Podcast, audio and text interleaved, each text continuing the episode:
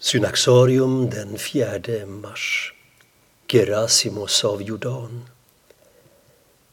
Kyrkorna i den ortodoxa kristenheten firar idag minnet av Gerasimos av Jordan. En munk som levde i den palestinska öknen på 400-talet. De uppgifter om hans liv som finns bevarade återges framför allt i Johannes Moskos reseskildring Andliga ängar.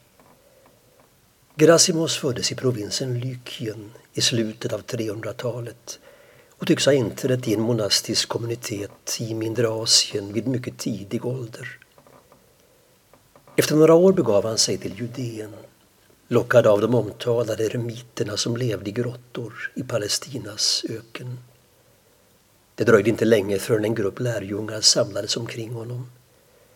Gerasimos grundade en klostergemenskap öster om Jeriko, nära Jordan, där mer än 70 ökeneremitage kom att ingå.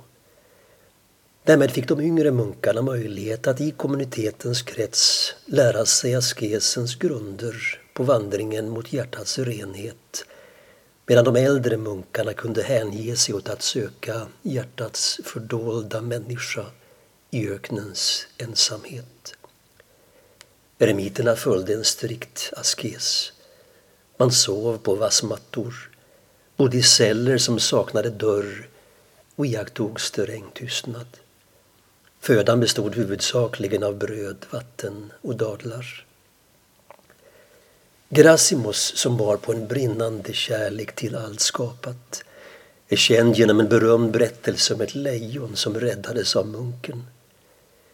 När Gerasimos en dag vandrade ut med Jordan fick han höra ett lejon vråla av smärta. Det visade sig ha fått en stor tagg i ena tassen. Överväldigad av medlidande med djuret drog han ut taggen, tvättade och förband såret.